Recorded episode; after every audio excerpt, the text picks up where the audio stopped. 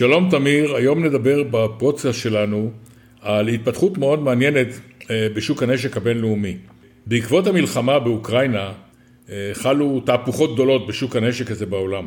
כתזכורת, גרמניה רכשה את אה, ח' שלוש מישראל, השבוע העסקה הזאת אושרה על ידי הממשל האמריקאי, אבל מדינות אחרות באירופה ובמקומות אחרים הבינו שהגנה אווירית יעילה מפני מטוסים וטילים היא צורך קיומי דחוף והתעשיות הביטחוניות הישראליות, בעיקר תעשייה אווירית ורפאל, שפיתחו ומייצרות מערכות כאלה, לא מסוגלות כמעט לעמוד בעומס ההזמנות שמגיעות כמעט מדי שבוע. מדובר בהזמנה של מערכות, חלקן משולבות במערכות קיימות של אותן מדינות, חלקן מערכות נטו ישראליות, הביקוש רק הולך וגדל. הנושא של ההגנה האווירית פרץ למודעות הבינלאומית במהלך המלחמה באוקראינה, אבל הוא החל למעשה כבר לפני כעשר שנים, כאשר אה, איום של אה, חימוש ממונחה מדויק, כלי טיס לא מאוישים וטילים,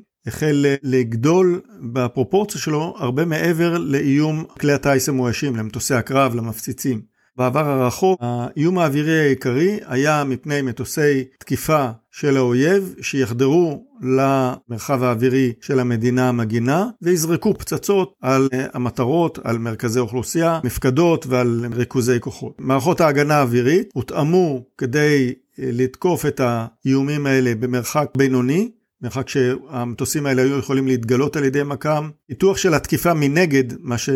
נקרא בעגה הצבאית, תקיפה מטווח רחוק עם חימושים מדויקים שמסוגלים לפגוע במטרות בדיוק רב, אפשר לכלי הטיס, למטוסים המאוישים של אז, אה, לתקוף את סוללות הנ"מ ואת אה, המטרות שלהם, מבלי להיחשף ישירות להגנה האווירית. וכאן באים האיומים של אה, אמצעי הגנה אווירית ארוכי טווח, דברים כמו ה-S300 וה-S400 שהכרנו אותם בעיסוק אה, בסוריה ובאיראן, אה, וגם בישראל פותחו מערכות כמו ברק 8, סטאנר וחץ, שיועדו לפגוע בכלי טיס בטווח ארוך, ובטילים, טילי שיוט, טילים בליסטיים וכלי טיס לא מאוישים.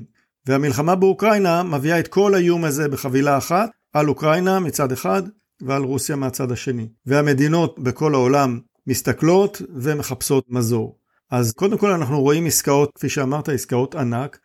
גרמניה שבחרה בחץ שלוש אה, של התעשייה האווירית, אה, קונה את כל המערכת, עסקה בגודל של יותר משלושה מיליארד יורו. חודשיים לפניה פינלנד אה, בחרה במערכת שרביט קסמים הישראלית, מתוצרת רפאל, שנבחרה מול מתחרות אירופיות ואמריקאיות רבות, כדי לספק לפינלנד הגנה דומה מפני טילים בליסטיים וטילי שיוט. מדינות אחרות גם פנו לרכוש ציוד ישראלי, מרוקו שמענו שקיבלה את המערכת הראשונה מסוג ברק MX. מתוצרת התעשייה האווירית, וכך אנחנו רואים יותר ויותר מדינות שמגיעות לישראל, מתעניינות ובוחרות במערכות האלה. מעניין לציין שבישראל העיסוק בהגנה אווירית החל, כפי שאמרתי קודם, רק לפני כ-15 שנה, והתחום הזה בייצוא הישראלי הפך לתחום הגדול ביותר. היום הטילים וטילי הגנה אווירית בעיקר, הוא התחום הייצוא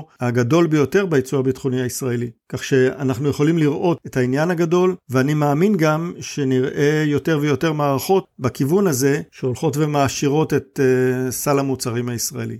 כן, המדינות בעולם ולא רק באירופה הכירו ומכירות בעליונות של מערכות ההגנה האווירית שמיוצרות בישראל. ההתפטרות האחרונה היא שיפן מנהלת משא ומתן עכשיו עם אה, משרד הביטחון הישראלי. יפן מאוימת על ידי צפון קוריאה. הצפון קוריאנים יש להם מעין תחביב לשגר טילים בליסטיים בשעת ניסוי שחולפים בחלק מהמסלול שלהם מעל השטח האווירי של יפן. היפנים חוששים שהשליט של צפון קוריאה ישתגע יום אחד וישגר לעברם טילים בליסטיים ויפן שמצוידת בטילי הפטריוט פאק 3 האמריקאים רוצה מערכת יעילה ויותר cost effective, יותר זולה מבחינת יירוט, אם צריך לשגר הרבה מיירטים. המשא ומתן עכשיו הוא לקנות אה, את המיירט מדגם סטאנר, שהוא חלק ממערכת קלע דוד של רפאל. כידוע, רפאל פיתחה את המערכת הזאת יחד עם חברת רייטיון האמריקאית. החברה הזאת מציעה גרסה של הסטאנר שנקראת סקאי ספטור, והיפנים רוצים לשלב את המיירטים האלה במשגרים של הפטריוט שיש להם. כלומר העולם כולו התעורר והבין שהגנה אווירית יעילה היא צורך אה, ממש קיומי. וכמו שאמרת, התעשיות הביטחוניות הישראליות עושות מכות יפות, הרבה כסף, הרבה עסקאות, וכנראה שיש עוד עסקאות כאלה בדרך. אחד היתרונות הבולטים של המוצרים הישראלים זה העלות הזולה יחסית של הטילים. מסתבר שטיל כמו סטאנר שהזכרת, מחירו הרבה יותר זול ממחיר הפטריוט MSE, שזה המקביל לו במערכת הפטריוט. יש לאמריקאים טיל עוד יותר יקר שמיועד אה, רק לעירות טילים בליסטיים בשם תד, אה, שהוא הפתרון האולטימטיבי, אבל מאוד מאוד יקר. גם הברק 8 או הברק MX של תעשייה אווירית מוגדר כטיל שהוא הרבה יותר יעיל כלכלית להגנה של אה, שטחים מרחבים, כך ש... צריכים להשקיע ברכישה של פחות יחידות אש. ונושא נוסף, במערכת הזאת, בברק MX, יש שלושה סוגי מיירטים, שניתן להתאים אותם למטרות השונות, כך שלא צריכים לראות טיל יקר מאוד על מטרה זולה. זה שיקול שנקרא כלכלת קרב, ולקחו אותו בחשבון בעת תכנון הטיל. עד כאן לגבי הגנה אווירית והתפקיד הישראלי בתחום.